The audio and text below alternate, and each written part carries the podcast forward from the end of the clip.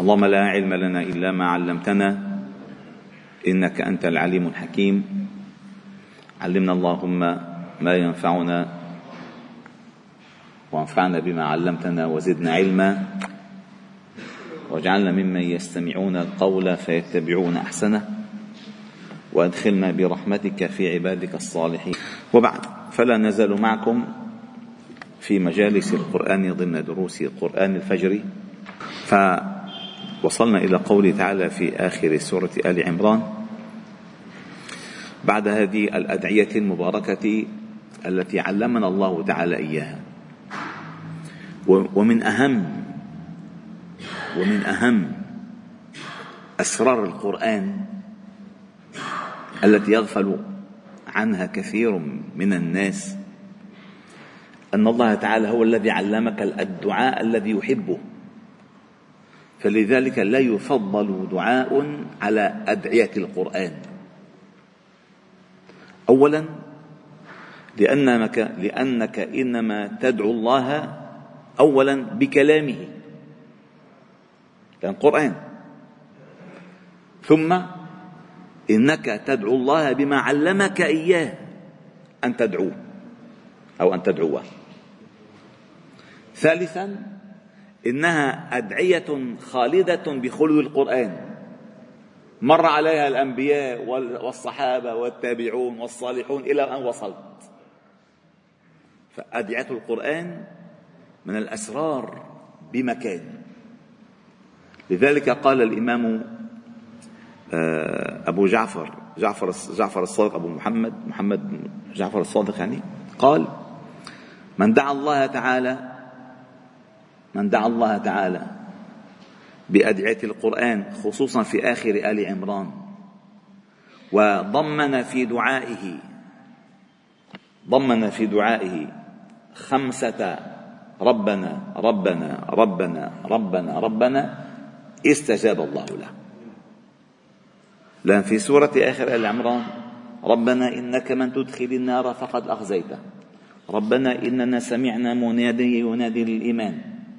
ربنا فاغفر لنا ذنوبنا ربنا وآتنا ما وعدتنا رسولك ربنا.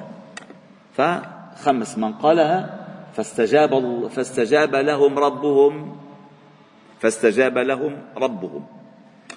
نحن وصلنا عند هذه الآية. فاستجاب لهم ربهم. أني لا أضيع عمل عامل منكم من ذكر أو أنثى بعضكم من بعض. فالذين هاجروا أخرجوا من ديارهم. وأوذوا في سبيلي. وقاتلوا وقتلوا. لأكفرن عنهم سيئاتهم. ولأدخلنهم جنات تجري من تحتها الأنهار ثوابا من عند الله. والله عنده حسن الثواب. هذه الآية آية عظيمة من كتاب الله. أولا الله جل جلاله قال وإذا سألك عبادي عني فإني قريب أجيب أجيب دعوة الداعي إذا دعان. فدعا المؤمنون دعوا ربهم فاستجاب لهم. وقال ربكم ادعوني أستجب لكم فاستجاب لهم ربهم. وهنا المشاكلة فيما بين ربنا ربنا ربنا ربنا ربنا فاستجاب لهم ربهم. لأن دعوا ربهم فاستجاب لهم ربهم. فهم متحققون بالربوبية لله تعالى فاستجاب لهم ربهم الذي يدعونه بالربوبية. فاستجاب لهم ربهم. اولا أني لا أضيع عمل عامل منكم. فلا يكون دعاء بلا عمل. لا يكون دعاء بلا عمل. أنت تعمل وتدعو. كما قال الله تعالى في سورة لذلك أجمل الأدعية القرآن. كما الله تعالى قال في سورة البقرة عن إبراهيم وإسماعيل وإذ يرفع إبراهيم القواعد من البيت وإسماعيل ربنا. يعني العمل والدعاء. ما دعاء بلا عمل. العمل والدعاء. ما الدعاء بلا عمل. فرفع إبراهيم القوم البيت وإسماعيل ثم قالوا ربنا. تقبل منا. ربنا ربنا. فاستجاب لهم ربهم.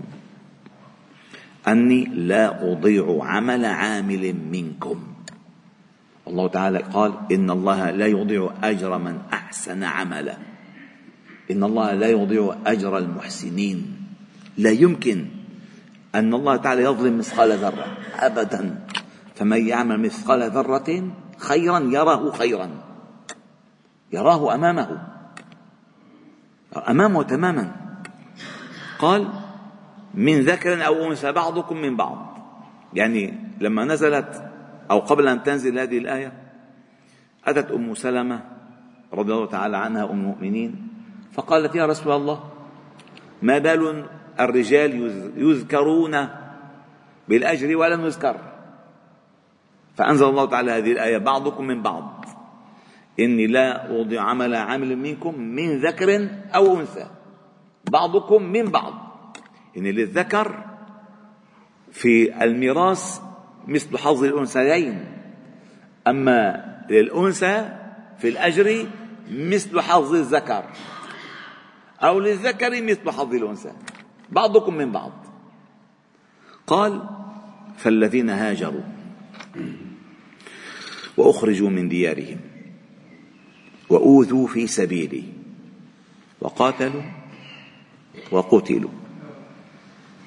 لأكفرن عنهم سيئاتهم. ولأدخلنهم جنات تجري من تحتها الأنهار ثوابا من عند الله. والله عنده حسن الثواب. ترتيب متقن. الذين هاجروا. هاجروا بإرادتهم. وجدوا أنهم لا يستطيعون أن يقيموا أمر دينهم في هذه البلد. فتركوا الأوطان وهاجروا في سبيل الله. ثانية وأخرجوا من ديارهم. يعني هن أخرجوا من الديار. عم يقيموا دينهم ولكن أصحاب البلد لا يريدون لأمثال هؤلاء أن يبقوا في هذا البلد.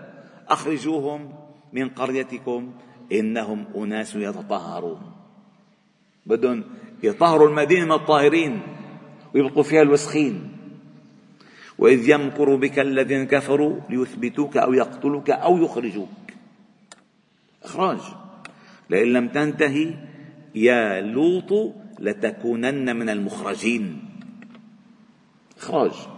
فإذا الهجرة شيء والإخراج من الديار شيء آخر. هذه المرتبة الثانية. فالذين هاجروا أخرجوا من ديارهم وأوذوا في سبيلي سواء أكانوا مقيمين في البلد أم يخرجون من البلد أم خرجوا هم من البلد فيؤذون في سبيلي فأينما كانوا الأذية تلحق بهم يعني ضريبة الالتزام بالدين يدفعون ثمنها أينما كانوا ما من شرط بس طلعوهم برا برا بلادهم أو يهجروا وما بيروحوا بتلاقي ملاحق أوذوا في سبيلي. هذه القضية في سبيلي هي القيد القيد الذي يرفع درجة الإنسان. أن يتحمل ذلك في سبيله. في سبيل الله. ما في سبيل والله مثلا الأوطان أو النفط أو الغاز أو العيلة أو القبيلة. لا لا. في سبيلي. أي كل ذلك في سبيله. فإذا ثلاثة أمور الآن. هاجروا أخرجوا من ديارهم أوذوا في سبيلي. في سنة رابعة وخامسة وقاتلوا. وقاتلوا. يعني عندما لحقهم الأذى أخرجوا من ديارهم هاجروا وصلوا إلى مرحلة أذن للذين يقاتلون بأنهم ظلموا. وإن الله على نصرهم لقدير. فهؤلاء قاتلوا. أي جاهدوا هذه الرابعة. الخامسة وقتلوا. يعني هيدي صدمة صدمة إيجابية. يعني تصوروا مثلا واحد هاجر أخرج من دياره وأوذي وقاتل شو النتيجة؟ قتل. ما وصل لشيء. مات. مات. راح مات. طيب إذا قتل انتهى كل شيء؟ أبدا. أبدا. وفي قراءة ابن كثير وقاتلوا وقتلوا. يعني قتلوا تقتيلا عنيفا. كما نرى الآن؟ أشلاء عم يشيلوا أشلاء؟ عم يشيلوا أشلاء أشلاء شاف شاف. ما للمقاتلين عم يشيلوهم للأطفال والنساء عم يشيلوهم شاف. حطهم بالشوال وبالقماش بضبوهم وقتلوا الجزاء من الله لأكفرن عنهم سيئاتهم. يعني سيصلون طاهرين. ولأدخلنهم جنات. ما هم أخرجوا؟ سيدخلهم الله تعالى في أفضل بكثير. ولأدخلنهم جنات. أخرجوا من بلد؟ سأعطيهم الجنات. ما جنة؟ جنات. تجري من تحتها الأنهار. ثوابا من عند الله. والله عنده حسن الثواب. لذلك سحرة فرعون عندما هددهم وقال لأقطعن أيديكم وأرجلكم من خلاف ولأصلبنكم في جذوع النخل ولتعلمن أينا أشد عذابا وأبقى. قالوا لن نؤثرك. على ما جاءنا من البينات والذي فطرنا فاقض ما أنت قاض. إنما تقضي هذه الحياة الدنيا. إنا آمنا بربنا ليغفر لنا خطايانا وما سر. والله خير وأبقى.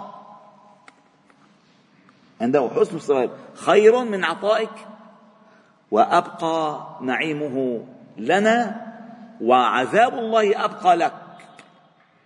فإذا قال والله عنده حسن الثواب. فالذي بيروض نفسه على الخمسة صدقوني يطمئن في كل شيء لأن النتيجة معروفة. نتيجة معروفة. في تكفير سيئات في إدخال جنات. فأخرج ماشي. هاجر ماشي. أوذي في سبيل الله ماشي. قاتل نعم الله معه. قتل كلنا نتائج وحدة.